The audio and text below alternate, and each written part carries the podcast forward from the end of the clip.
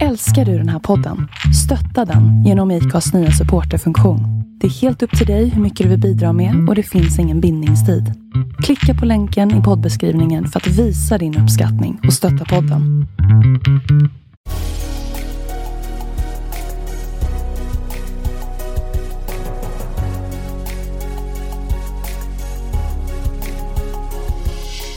Välkommen till podden Vart är vi på väg? I denna podd intervjuar vi sociala entreprenörer och andra personer som är involverade i ekosystemet kring socialt entreprenörskap. Vi vill ge dig som lyssnare tips och inspiration till hur innovativa idéer och entreprenörskap kan vara lösningen på de samhällsutmaningar som vi står inför.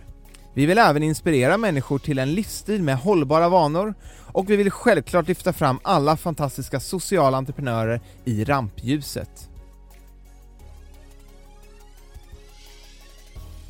Detta avsnitt görs i samarbete med Plus Impact av Danske Bank.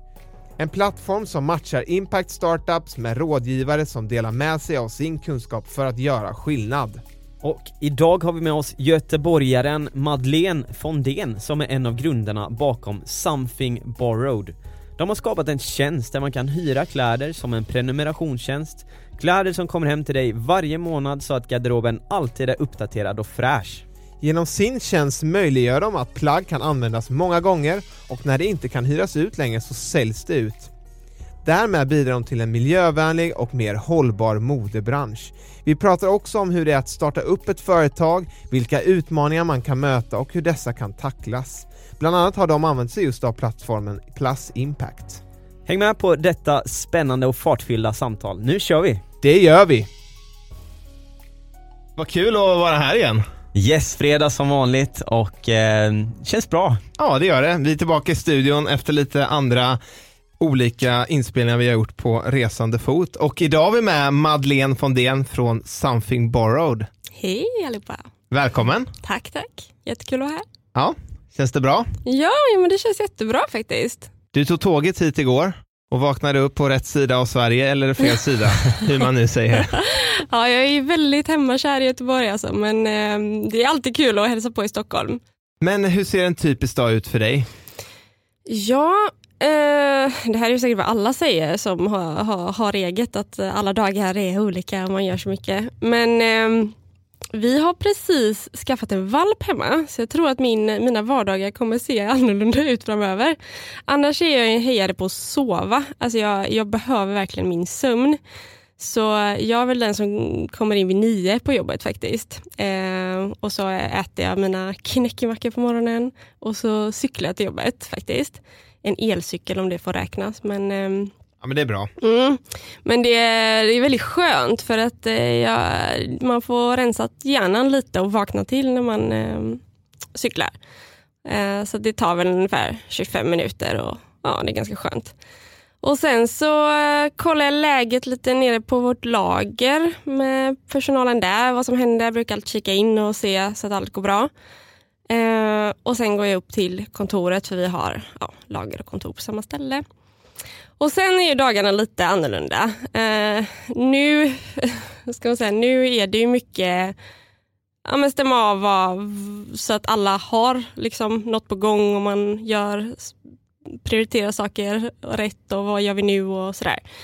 Och sen har jag massa olika agender som jag måste beta av. Men eh, det känns ibland som att eh, jag prioriterar min agenda lite lägre och ser till så att allt annat rullar. Um, Precis, har du något sånt där eh, sätt att få, få det att funka ändå? Alltså att du ändå hinner med dina grejer? mina grejer? Har du någon speciell tid på dagen kanske? Jag vet att vissa vi har intervjuat, Mm. de, de säger att de fokuserar på sin organisation på dagen och sen så har de vissa tider där de faktiskt kan ta sina grejer. Alltså för mig, det, är, det, kom, det kommer väl mer också sen med vad jag gör och sådär. Men det, det, det är fortfarande ganska nytt för mig att ha anställda. Alltså det är ganska nytt fenomen. För förut har det varit jag och min eh, medgrundare liksom. Och vi har varit ett väldigt tajt och effektivt team. Det har inte behövt så mycket ja, men planering och liksom det här över, utan vi har varit på samma eh, spår och liksom ja, vi behöver inte kommunicera så mycket utan vi har varit väldigt, väldigt effektiva. Så nu är det lite omställning för mig. Så jag, jag har inte riktigt prickat in när jag ska hinna med mina grejer. Men Det är under säkert. process kanske. Exakt, jag lär mig nu. Det, min vardag kommer eh, ha en liten eh, ja, turn. Jag tyckte också det var ganska kul på er hemsida, era titlar. Ni har, ni har ju lite speciella titlar också, det gillar jag. Din titel är ju Boss Lady. Ja. Berätta om den. Ja, men, alltså jag och Daniela då, som är min medgrundare, vi är inte så... Eh, alltså titlar känns så himla tråkigt. De säger ju ingenting och det är så många som hänger upp sina liv vid sin titel som att det var en stor sak. Liksom. Och det kände inte in- vi var viktigt så, så vi tyckte men eh, det är någonting som peppar oss att vara boss ladies. Liksom. Tyckte det var lite roligt. Sen eh, vad det betyder, det vet ingen förutom oss. Så vi körde på det och sen så egentligen var vi girlbosses innan. Och så tänkte vi, men nu- ska vi då promota oss själva till boss lady. Så när vi fick anställda så fick de vara girlbosses och så är vi boss lady då. Så det är mer så här intern kul typ. Ja, och så har vi en lagerboss då som är på lagret. Berätta kort Something Borrowed. Vad gör Mm. ni och vad är det för tjänst? Ja, men på Something Borrowed så hyr vi ut kläder online. Och vi fokuserar ju då på att förlänga plaggets livslängd. Så våra kunder kan hyra plagg månadsvis och nästa månad så byter de ut dem till nya. Så att man har lite, ja men eh, shoppingbehovet dämpas och man får alltid något nytt i garderoben. Jag känner mig lite exkluderad här nu för att eh, Ja. ni har ju bara eh, damkläder än Ja. så länge. Visst. Ehm, men jag, Ja. jag skulle gärna vilja använda en sån här typ av tjänst Ja. om det skulle finnas för, för killar också. Ja, vi har, alltså, vi har pratat mycket om det och det är många killar och, och män som frågar efter det. Eh, vi har nog bara inte riktigt, jag tror att vi behöver forma alltså, jag, erbjudandet lite annorlunda för män. Alltså, vad är det för något man egentligen är ute efter? Är det att byta hela tiden eller är det att slippa tvätta och stryka? Eller liksom? Så vi funderar lite på det men ni får berätta sen vad det är ni hade önskat. Ja men absolut. Du är ju från eh, Göteborg. Mm. Är du född och uppvuxen där? Nej, faktiskt inte. Jag är född i Bulgarien. Eh, född i Sofia Bulgarien. Och eh, jag och min mamma flyttade hit när jag var sju. Så att, eh, ja, jag är ju inte från början svensk då. Men eh, jag är ju uppväxt här så att, eh, jag känner mig väldigt svensk. Hur var det att- komma hit till Sverige? Kommer du ihåg någonting från den tiden? Ja men det gör jag ju för att jag, jag pratade ju ingen svenska. Alltså det var ju lite eh, så och när man ändå är sju, jag var ju nästan åtta faktiskt. Så eh, då börjar man, jag började ju tvåan här i, i Sverige. Och då är det ju lite så här, man är tillräckligt gammal för att förstå liksom. Men eh, jag hade svårt att kommunicera med andra. Liksom. Det tog ju ett tag och sen så skulle man ju liksom någonstans hinna ikapp eh, skolan också då för att inte så här, hamna efter. Men eh, generellt så tror jag att jag tyckte det var en ganska positiv upplevelse för, för liksom oss att komma hit. Så att, eh, vad var anledningen till att ni flyttade till Sverige då? Ja, nej men alltså, min, eh, min mamma hade ju då kopplingar till Sverige och jag är en ganska ung mamma, alltså hon var 21 när hon fick mig.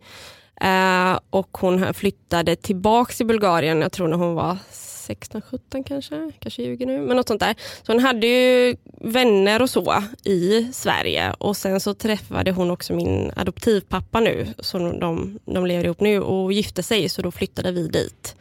Eh, och de gifte sig nu då och därför har jag en lillebror som är eh, lite sladdis också. Just det. Eh, det var så vi, vi kom till Sverige då, då. De träffades och skulle gifta sig. Vad gillade du att göra när du växte upp? Alltså, Ja, som fritidsintressen och så, så det enda jag kanske har fastnat för det har varit att jag dansade mycket när jag var liten. Eh, faktiskt även i Bulgarien, alltså jag gick på så för, för småbarn, så här ballett typ. Och sen så eh, var det det enda som jag också höll på med sen när jag i ton, upp i tonåren. Men sen var jag ganska, alltså jag var en liten pluggis faktiskt. Jag la väldigt mycket fokus på skolan. För det har nog varit så här, jag har varit lite så här duktig flicka tror jag. Och Det kanske också är en kulturell grej, liksom, att man ska, man ska gå i skolan, man ska sen utbilda sig dit och man ska göra så här. Det har varit lite sådana som man kanske inte är så, eller det finns ju i Sverige också, men det känns som här i Sverige så är det lite mer, oh, nej, men du behöver inte plugga vidare och det går bra och lite så. Men nej, det var väldigt så. Upplevde du den eh, lite press hemifrån att eh, du ska prestera bra? Eller var det liksom att du själv eh, ville visa på något sätt? Båda och tror jag. Jag tror så här från eh, min adoptivpappas håll, då, som egentligen, han är ju min pappa nu då, det är han som, är min eh, pappafigur. Han är ju mycket mer eh, så chill i mentaliteten, så där var det ju inte det. Men från mammas håll och liksom min familj med rötterna i Bulgarien så är det nog lite mer förväntat liksom att du ska prestera och det är, det är lite en prestationskultur helt klart. Men sen, eh, alltså jag, tyck, jag tror att man kan drabbas hårdare om man inte tycker det är roligt i, i skolan och att plugga. Men jag tror att det här eh, prestationen, det är klart att det är ett litet stresspåslag som man har eh, från familjen. Men sen så när jag blev lite äldre så började jag gå lite min egen väg också så att eh, det var nog naturligt. Gå din egen väg, vad var det? Ja, men jag slog lite bakut för jag tänkte, ja, allt som alla vuxna säger är ju inte sant tänkte jag då. Jag börjar komma till den här punkten där man tappar lite respekten för vuxna. Så, uh, så att det var ju lite det här jag tog ett, eh, efter gymnasiet så åkte jag till Australien som många tror i min ålder kanske då gjorde, uh, födda 90 plus. eh, och det var en sån grej som var helt eh, kaos. Hur skulle jag åka till andra sidan jorden och jag inte skulle börja plugga på en gång, plugga vidare, liksom, kasta bort att jag har alla bra betyg här nu. Och, eh, det var traumatiskt eh, hemma. Eh, men jag hade ju sparat pengar, jag var väldigt organiserad, alltid varit så planerat ahead. Liksom. Så jag hade ju pengar och jag hade köpt min biljett och sa nu åker jag. Liksom. Hur var tiden i Australien? Oj att det var lite av ett kaos faktiskt, min tid i Australien. Jag, mm, som sagt så var det här lite av att slå sig fri eh, och göra min egen grej. Så jag åkte ju dit med en person jag inte kände heller. Vi träffades liksom på flygplatsen, vi hade så här, mm, lärt känna varandra på något forum liksom, och var lika gamla. Um, och sen så hade jag ingen plan riktigt i Australien. Vi hade ingen plan. Vi landade liksom där och det var, vi hade fyra dagar bokade någonstans. Ja men det var mycket, alltså jag tror Oh, det, det, det, det, är en story i sig, liksom. men det, det, var, jag, var, jag var ung. Alltså. Det var mycket man inte var. Och jag i efterhand vet jag 17 om man hade alltså, vågat åka. Jag är ganska glad att jag åkte. Men man lär sig väldigt mycket och ja. kommer iväg sådär. Ja. Nej, men jag tror det. Det kanske var lite väl så att inte ha en plan men jag överlevde ju uppenbarligen och kom hem. Hur länge blev det då som du var borta från Sverige? Eh, nio månader var jag borta. Oj, det är länge. Ja, jag hade nog tänkt mig ännu längre. Jag hade någon eh, dröm om att jag skulle typ flytta dit. men sen tänkte jag nej, det blir bra hemma. Vad var det som lockade hem dig igen? Men jag tror att jag var, ja men det blev för mycket. Jag var slutkörd tror jag. Uh, så att jag kände att jag, jag kommer hem och då tänkte jag nu är det kanske dags att börja plugga. Då. Jag har fått ju liksom göra mitt i ett år här så då blir det lagom att söka till hösten och sådär. Så att, um, ja, så då kom jag väl hem någon gång där då i maj kanske. Vad sökte du in för någonting? Då sökte jag in till Handelshögskolan i Göteborg, eh, logistikprogrammet. Eh, då, så det är ekonomi och logistik som man läser. Och Det var där jag träffade Daniela, då, min medgrundare. Häftigt. Mm. Hade du något intresse av det här innan logistik? Så i, I ärlighetens namn så tänkte jag så här, jag måste, jag måste plugga någonting för det första. Liksom. Eh, ekonomi var nog närmare till hands än någonting eh, så naturvetenskapligt. Men sen så ville jag inte bli ekonom-ekonom. Och då såg jag ju logistikprogrammet och tänkte men okej okay, jag är ju jätteorganiserad och gillar liksom det här med flö, alltså att det ska gå rätt till så. Så tänkte logistikprogrammet var nog bra. Alltså, ibland så fastnar man ju där att man inte kan välja och det är aldrig någonting som man vet vid den åldern 100% så ja, jag hoppade på det och det gick ju bra.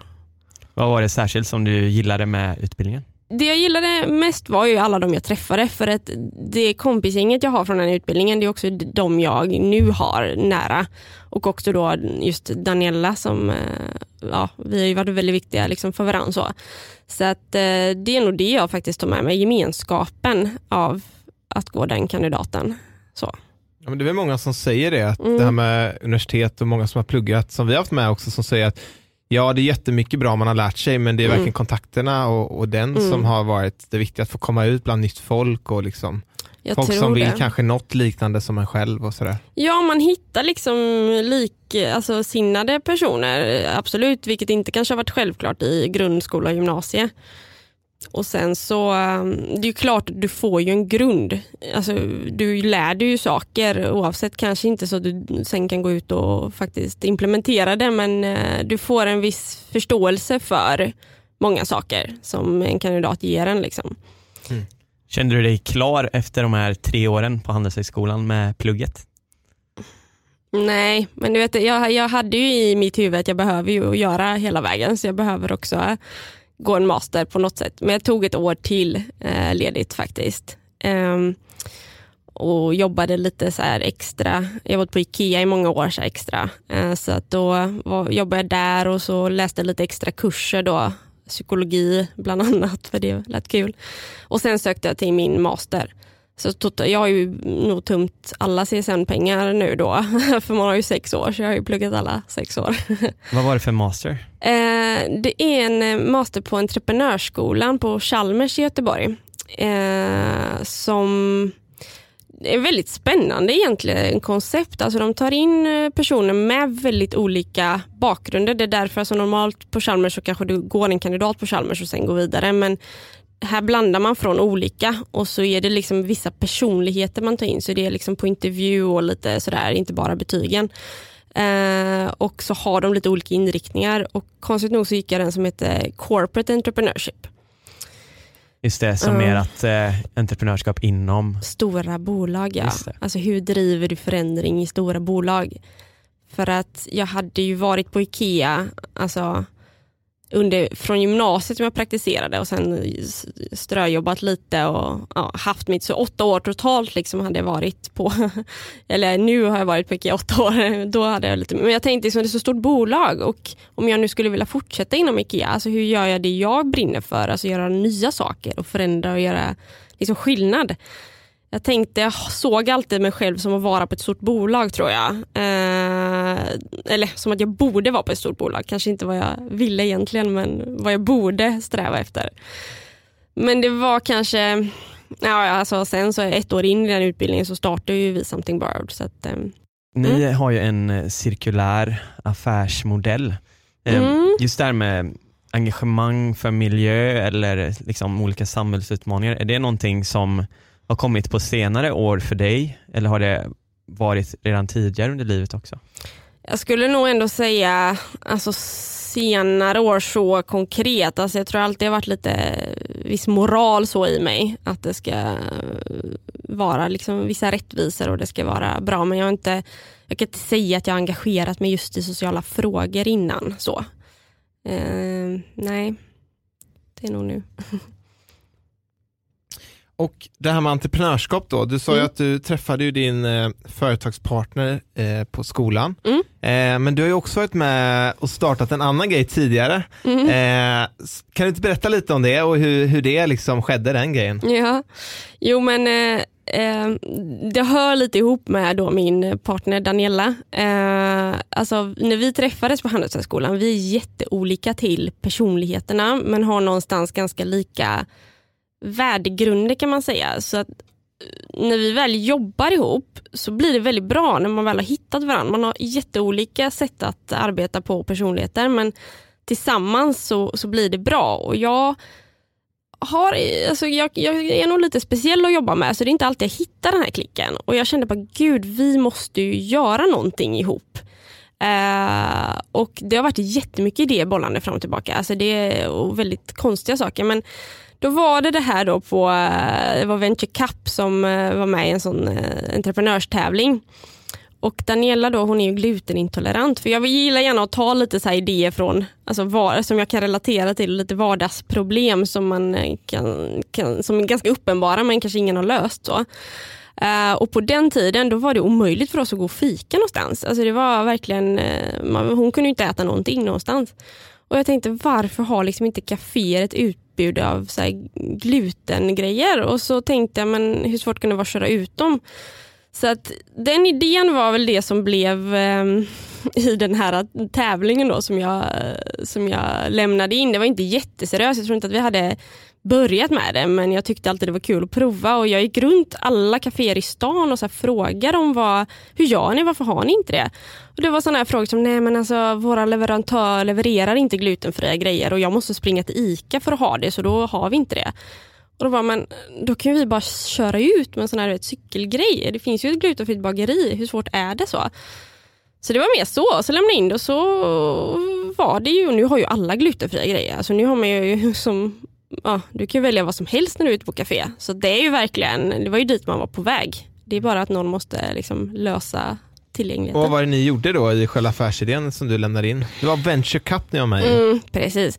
Alltså allt var ju på papper. Det, var, det blev ju inte en, eh, ett företag av det sen men det var mer att jag hade highlightat att det fanns liksom en efterfråga. Folk eh, är glutenintoleranta och, och ville ha och även de som ville ha glutenfritt för att det var ehm, för att det var nyttigt. Liksom. Så det, det började bubbla det här. Och sen problemet som de här äh, kaféerna hade, att de inte hade just logistiken löst eller tillgången. Och så hade jag då en lite mer enkel lösning. Okej, okay, det finns två glutenfria bagerier i stan. Du kan ha cykeltransporter så här och så här. Och så presenterade jag det och då kunde det lösa liksom konceptet för eh, kaféerna. Mm. Jag har ju alltid velat lösa saker och ting kreativt. Jag köper liksom inte det här att ja, men det går nog inte att lösa. Det är inte min... Eh, det är klart att det går att lösa. Liksom. Sen får man värdera hur värt det är att lägga energin på att lösa någonting, men det går att lösa. Uh, och, så jag har inte sett så mycket begränsningar och jag har lite en övertro på min egen förmåga tror jag som gör att jag ger mig på saker som kanske är svårare än vad, vad jag tänker mig. Men en sak som jag i efterhand har liksom upptäckt, för att när jag var ja, när jag gick på gymnasiet så fick jag reda på att jag var dyslektiker och eh, då har man ju gått ganska lång tid och haft svårt att läsa och skriva. Liksom. Men istället för att liksom ge upp så har jag hittat lite olika vägar kring det. Typ jag kollar på Youtube-videor, jag bad folk liksom läsa högt åt mig och jag gick till läraren och sa att jag kan faktiskt inte stava, jag är ledsen, liksom. du får vara överseende med det. Och, alltså, på något sätt gått runt eh, problemet av, av att jag, jag, har svårt med det. Och sen så när jag fick dyslexidiagnosen och fick massa verktyg. Då var det ju så här, what? Det finns ju program som läser, du kan få böcker inlästa, du kan få extra tid eller inläst på proven och sådär. Men fram tills dess har det ju bara varit liksom min egna problemlösning och ändå fått typ högsta betyg i allt. Så det är ju liksom, det är ju för att jag har kunnat navigera runt det. Kanske du har kanske varit en bra skola då att få lära sig utan att få diagnosen? Eller både jag och tror såklart. Det. Men... Nej men jag tror det för jag kan inte säga, alltså och Jag tror att det har varit mycket, jag har varit ganska självständig i och just det här problemlösningen är nog det som har gjort att jag har en viss attityd idag. Alltså, jag har fått klara mig i många situationer och eh, haft en positiv liksom, attityd kring det. Så jag är inte ledsen för att jag fick min diagnos sent, absolut inte. Jag är inte ledsen att jag har den heller. Utan, ja, men du har lyckats bra ändå. Ja. Och det är väl det som bevisar att vi kan alla lyckas på olika sätt. Ja, men Oavsett bara man vilka... gör liksom sin egen och att det är okej okay också, för jag tror man kan gå in och bli så här, jag är annorlunda typ. Men mm. det gör inget. Och sen under eh, masterutbildningen då så mm. drog ni igång Something Borrowed. Mm. Och eh, det vill vi höra. Du berättade lite innan vad det är ni gör. Ja. Eh, ni hyr ut kläder på prenumeration. Ja. Eh, och när, jag tänker det här, man hyr ut kläder. Jag kan mm. hyra, eller ja, inte jag då kanske, men mm. kvinnor idag mm. eh, kan hyra kläder, några plagg i månaden. Hur ser de här olika uppläggen ut?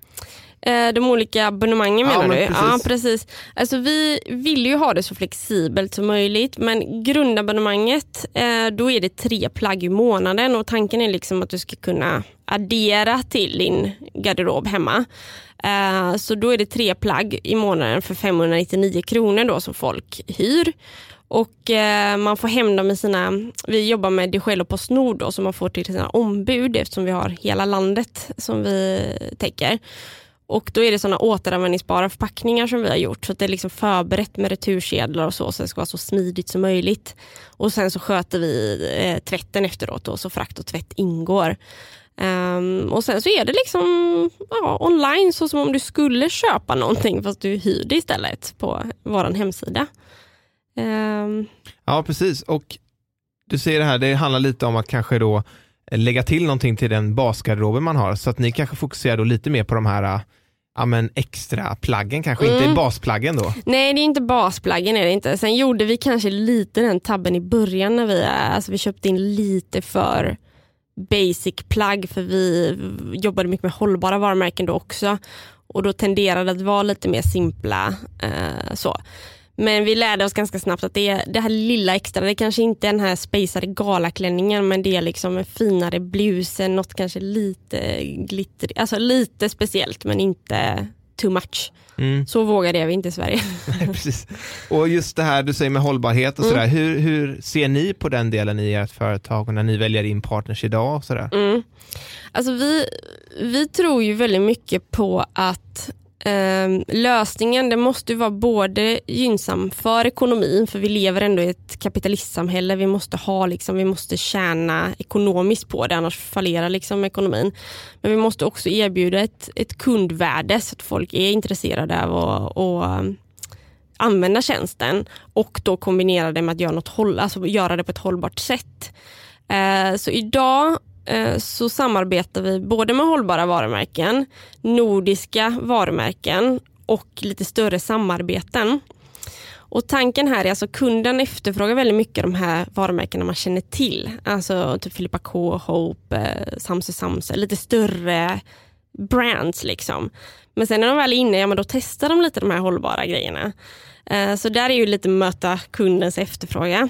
Och sen de här nya samarbetspartnerna som vi har tagit in som är större bolag. Där har syftet mycket varit i att det är ju de som styr industrin. Alltså någonstans så är det de aktörerna som har stor påverkan bakåt produktionen.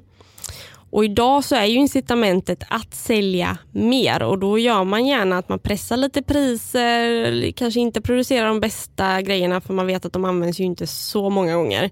Och så incitamenten blir fel. Men om man har och är med i den här modellen där du faktiskt tjänar mer på att det kan hyras ut mer och att den håller, då börjar man ju också ändra sin produktion. Så därför är samarbetena med de aktörerna väldigt viktiga för branschen i stort. Liksom. Och när ett plagg då har hyrts ut så ser jag ett par gånger, jag tänker Mm. att eh, vissa plagg kan ju vara lite så här säsongsbaserat, Mm. ja, men nu är det, i år ska man ha det här på sig. Mm. Vad gör ni med de plaggen då som kanske inte kan hyras ut längre? Mm. I första hand så har vi en second hand ihop med liksom, eh, eh, ja, som tillhör eh, oss. då. Eh, så där hamnar plagg som är kanske inte riktigt tillräckligt bra för att hyras ut men som folk utan problem skulle kunna äga. Liksom, för att det är ju, man är mer, mindre kinkig när du har köpt ut det.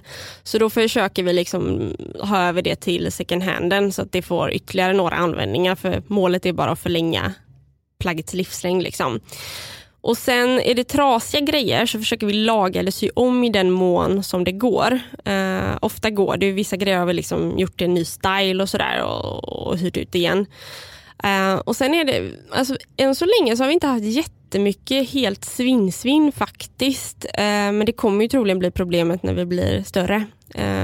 Då Och hållit man- på länge såklart. Ja, Ja. precis. Men det är en jättebra idé det här med att sälja ut det, för Mm. då får den ytterligare ett liv. Ja, exakt. och sen kanske exakt. den i sin tur som har köpt ut det ger Mm. det till någon annan Mm. ännu en gång. Ja förhoppningsvis så länge det håller, det är Ja, ju det. precis. Alltså hur Ja. pass långt, eh, och där måste vi också då, då samarbeta och få Ja. plagg som håller. Ja men precis. Och jag, jag vet att det finns ju många som jobbar just det här med cirkulär ekonomin och hur Mm. man, som du var inne på, att det faktiskt driver en förändring av att vilja ha mer hållbara produkter för då kan de också finnas kvar i alla de här olika sajterna. Och, ja, men det, det, blir en ny, det blir en ny marknadskanal kan man säga för, Mm. för en produkt att Mm. komma ut i. Jag tycker det är intressant, det låter som att ni gör ju väldigt många grejer, ni tvättar, syr om, har lager, webbshop och allt det här. Och du berättade att det länge har varit du och din medgrundare. Mm. Eh, hur har ni fått ihop allt det här? Ja, men, alltså, grejen är så här, jag och Daniela, det låter jättekul, men vi är sjukt effektiva och vi har eh, gjort väldigt mycket själva. Alltså allting från, eh, så här, vi tvättar ju inte själva så utan vi har en tvättfirma som kommer. Och vi också alltså, vi lämnar till skräddaren när det är, så vi syr ju faktiskt inte så. Så de bitarna faller ju bort. Eh, men sen har vi liksom gjort allt från hemsidan till alla inköp till alla kontakter. Så det är klart att men någonstans så har, har det gått an. eh, men det har ju blivit väldigt mycket skönare nu att få hjälp då, om man säger, sen sista liksom. Det har ju med kapitalet att göra, liksom, vad man har för möjligheter. Och nu när vi fick in ytterligare investering då så kunde man också anställa. Så att, eh, ja men det har varit mycket att göra. Och hur många är ni idag? Nu är vi fem anställda eh, totalt. Och vad, vad är det för andra roller då förutom er två? Eh, nu har vi ju personal på, på lagret då så att man avlastar det och sen så är det eh, marknadsföring för det har varit en kompetens som vi liksom läckar mellan oss. Vi har båda logistiker och jag har entreprenörsbiten och Daniela har eh, mode fashionbiten liksom på sin master. Men marknadsföring som är en så viktig grej för oss att nå ut har vi saknat. Så den kompetensen har vi liksom tagit in och sen så är det mm, affärsutveckling då som eh, blir mycket stöd till mig som också ska in på fler investeringsrunder och utveckla så. Eh, men vi jobbar ganska så här tajt allihopa Mm. ändå, så att man gör lite av allt på ett startup. Ja.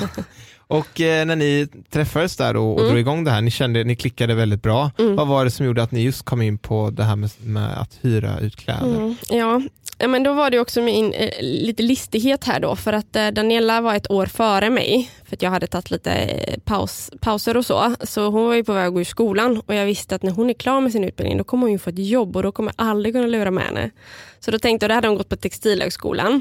Och jag hade varit bekant med den här idén innan så det finns ju utomlands liksom, det har funnits lokala klädbibliotek och sådär. Så att jag, jag tyckte att det här var en smart grej. Man var väldigt tidig då. Alltså det, var liksom, det var inte en second hand okej. Men jag hade, det hade liksom grott i huvudet. Så att när Daniela var klar så tänkte jag att det här är en perfekt idé. Här kommer hon liksom tända till på. Så jag ringer henne som vanligt och bara, hur tycker du det här låter? Ja, men det går nog bra. Och så skulle hon skriva klart sin uppsats. Och då var hon i Vietnam och, och skrev uppsats. Och då hade jag redan liksom en hemsida, våra mailadresser och allting. Typ. Så när hon kom tillbaka så bara, ah, men nu kör vi då. så det var lite, jag ville ha med henne på tåget. Jag ville ha en grej som jag visste att eh, hon var engagerad i och som jag trodde våra kompetenser kunde alltså, skapa verklighet av. Jag trodde verkligen att det vi hade kompetens inom kunde verkligen göras i det här eh, konceptet. Så att det var en bra idé som föll eh, i många av våra intressen. Liksom. Hur har reaktionerna varit då? Har ni lyckats liksom ändra ett köpmönster hos kunder Mm. genom den tjänsten? Alltså det, det är lite tidigt och svårt att säga men eh, vi har ju fått väldigt positiva, eh, eller positiv respons av de som, som är kunder och använder tjänsten. Eh, sen har vi liksom inte haft någon eh, så statistik på det än, det är jättesvårt eh, och, att säga men jag tror ju att man, vi har ju dämpat det här eh, spontanköpen, alltså man får det här eh, kicken av att få nya grejer ändå.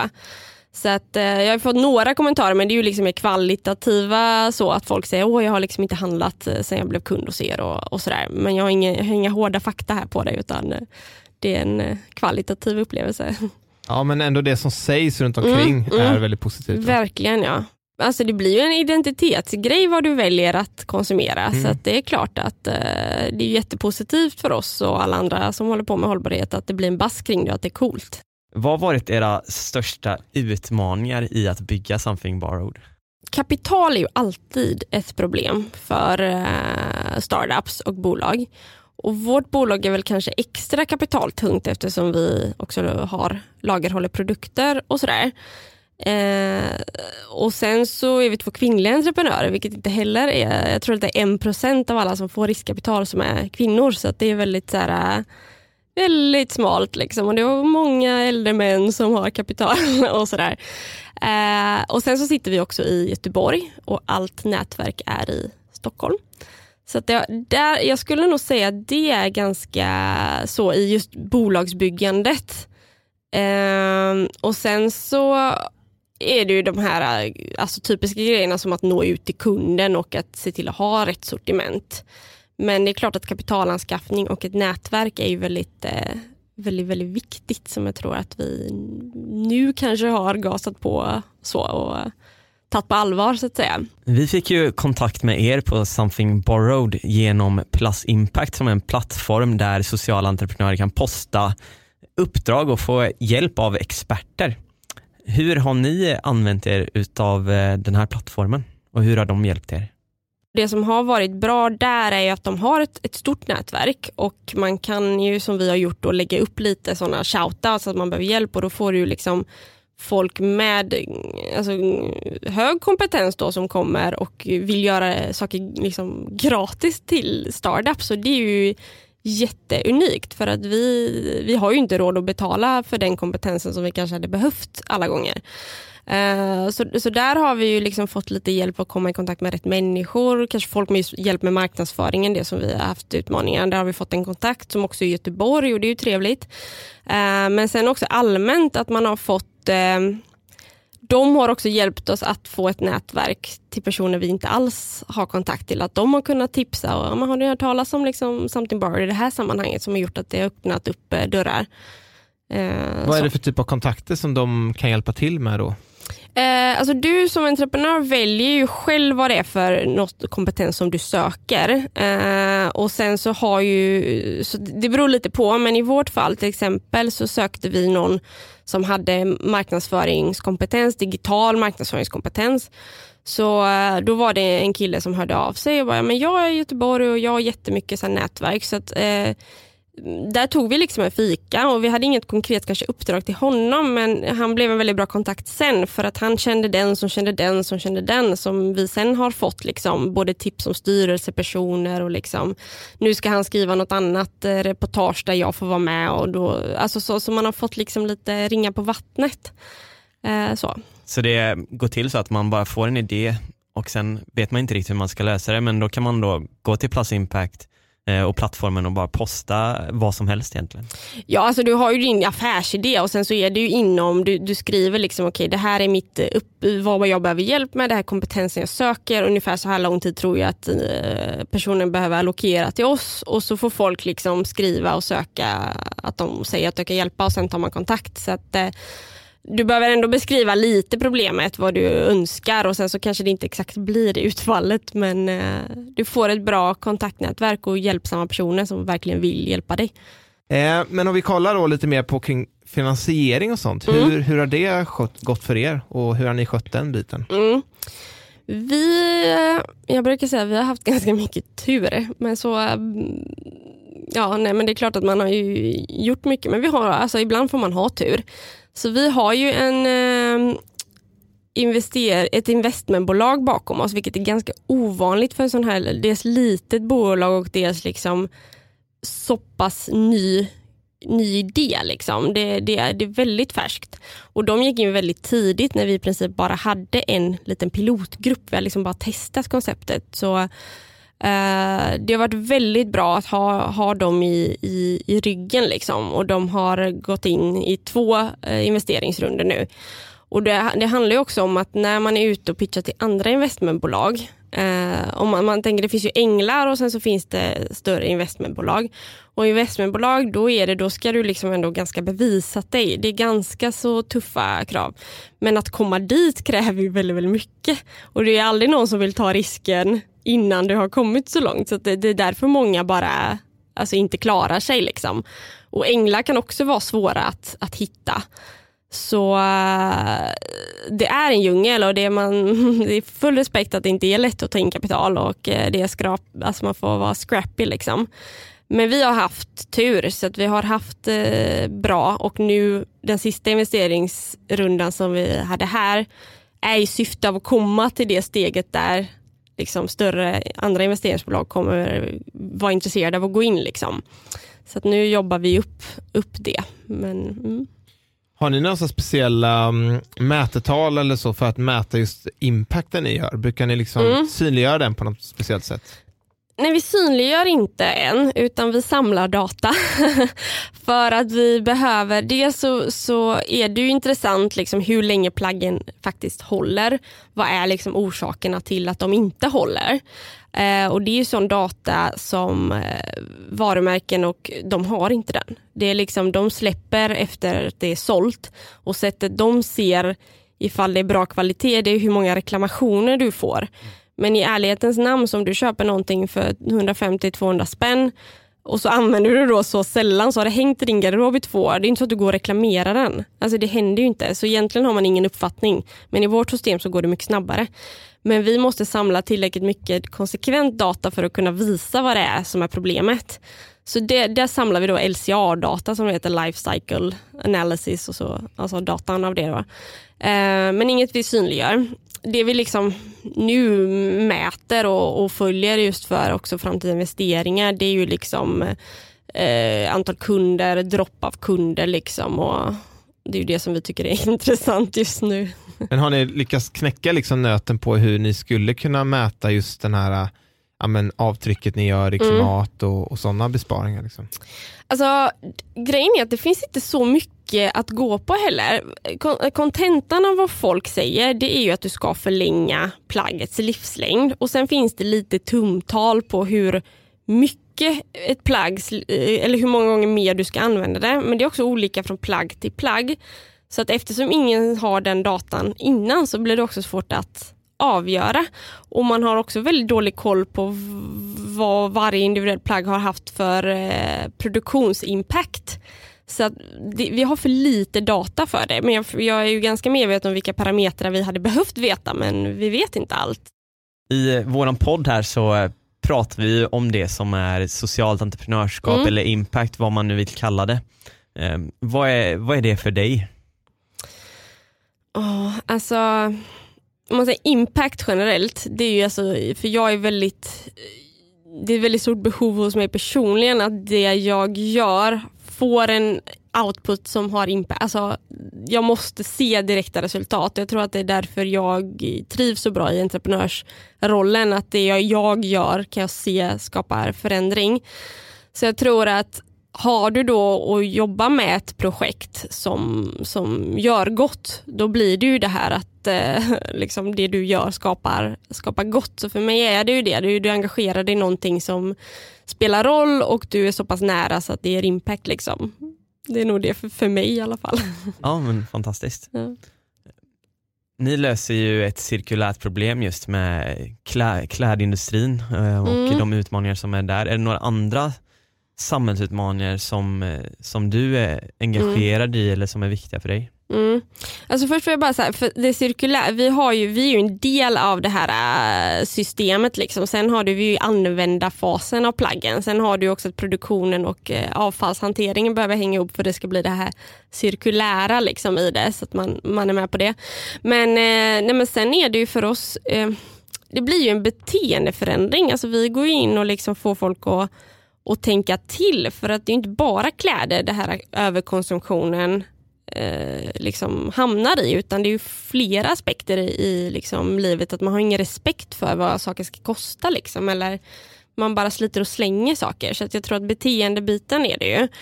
Och sen så i liksom den bästa världen om vi kan putta bak produktionen så, så blir det ju bra i många led. Alltså för liksom folk som arbetar och producerar och sådär. Vi är ju liksom inte där än men eh, på, lång, på lång sikt. Vad är det som ändå driver dig att eh, använda something borrowed för att eh, förändra branschen eller lösa den här samhällsutmaningen? Ja, men det är nog för att jag ser att det är möjligt och det är inom räckhåll och det är aktuellt. Jag får liksom en kick av nu att det är så pass eh, liksom av intresse för folk. För de första liksom, ett och ett halvt åren så var det ju fortfarande folk tänkte vad håller ni på med? Liksom. Jag tror det här var en fluga där men nu har det ju hänt saker och jag, är väldigt, ja, jag tycker det är grymt faktiskt. Jag är väldigt eh, glad över att eh, folk bryr sig och engagerar sig. Du jobbar ju det här med klädesindustrin, men är det Mm. någon annan stor utmaning som du tror att vi måste lösa inom kort? Vad är liksom den största enligt dig? Men det, det är ju att hitta en liksom hållbar källa till energi för att vi ska kunna liksom, eh, sustaina vår, allt vi har. Vi, vi, vi har liksom ingen bra energikälla som idag eh, som funkar. Jag kollade på Bill Gates-serien Ja. och han eh, snackar ju mycket om eh, kärnkraft. Yes. Ja. Det är ju kontroversiellt Mm. men det ligger ju någonting i det han säger att Ja. är liksom de här kärnkraftverken som finns runt om i världen är ofta från så här 70-talet men det finns Mm. många nya innovationer. Jag, jag kommer säkert få massa skit för detta men jag är ju helt med där. Alltså det, det, är en, eh, det är faktiskt ett bra alternativ. Eh, sen så är det ju klart att det har varit mycket, det som hände med just kärnkraftverken är ju att det fick en så dåligt rykte för att det hände olyckor. Liksom. Mm. Och det är ju klart att då blir det tabuförklarat men det är ett sätt att få ut väldigt, väldigt mycket energi. Alltså, så. Det är klart att det blir restavfall av det också men mängden energi, du kan liksom inte ersätta det i något annat vi har liksom idag. Eh, så att eh, jag förstår exakt vad han eh, pratar om och vad han vill åstadkomma. Sen förstår jag också hur svårt det är. Mm. För det är så extrem motstridighet och folk per automatik är emot kärnkraft. Liksom. Men det kommer behöva fler lösningar. Liksom. Det är inte, men det är en stor utmaning som vi har. Och, ja, det kommer bli svårt att täcka upp för allt vi gör åt. Vi är spända på att höra dina tips mm. till en social entreprenör eller entreprenör. För du mm. har ju, och ni har gått igenom den här resan och är i resan. Mm. Så, eh, vad är dina tips? Alltså, jag har väl lite, och det är nog generellt till alla entreprenörer, lyssna inte för mycket på alla andra. Alltså jag är lite sådär, du ska höra vad folk säger, men ofta har man en magkänsla lite grann eh, och gå på den. För att det finns ju en anledning till att ingen har gjort det här innan. Alltså det, de har inte svaren. Eh, så du måste liksom också köra din egen, lita på dig själv. Liksom. Jag tror att det är, när man tvivlar så lita på din magkänsla. Mm. Och för att lyckas eh, driva sin eh, startup och mm. hitta finansiering för att mm. kunna leva på det, liksom. Mm. Vad, har du något tips där? Alltså när det kommer till finansiering, var beredd på att det tar mer tid än vad du hade tänkt dig. Liksom. Och var också beredd på, det här är nog kanske mitt största problem.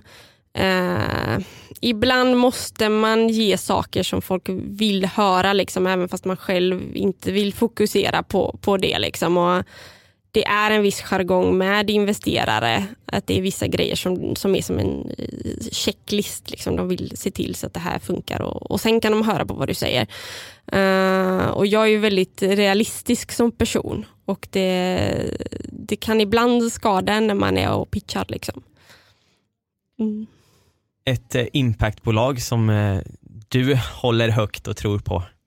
Jag tycker att eh, vet du, Repamera är ganska coola. Jag vet inte om ni har talat om dem? Ja, men det har jag hört talas om. Ja, ja, Berätta lite om dem för de som inte vet. Nej, men eh, det är ju då eh, Henning heter han som har startat det och de jobbar liksom med att reparera, alltså som en skräddare online. Liksom. Det tycker jag är jättecoolt. Alltså, de, han gör ju liksom skrädderiet mer tillgängligt och det är också en bit i det här att förlänga eh, plaggets eh, livslängd. För du har kanske något som är lite trasigt, du har ingen aning om hur du syr en knapp eller en eh, dragkedja och så kan du liksom skicka dit det.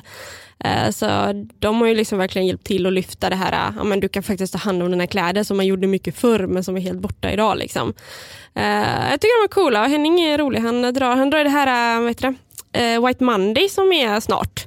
Där han samlar massa hållbara bolag som liksom inte då stöttar eh, Black Friday utan man stöttar då White Monday. Eh, så att eh, ja, han är en nätverkarperson och så har han då Repamera. Så jag gillar, gillar honom. Cool. Ja. Och är det han som du skulle ge tips på här att bli intervjuad i våran podd? Ja, faktiskt. Det tycker jag. Ja, ja. men då ska vi kika upp det. Ja. jag. Absolut. Och jättekul som sagt att ha haft dig med här idag. Eh, jag tycker det har varit väldigt intressant och lärorikt och eh, få fortsätta prata om just det här med klädesindustrin och det som den står inför och vad vi måste göra för att mm. liksom göra världen till en bättre plats när det mm. gäller de bitarna.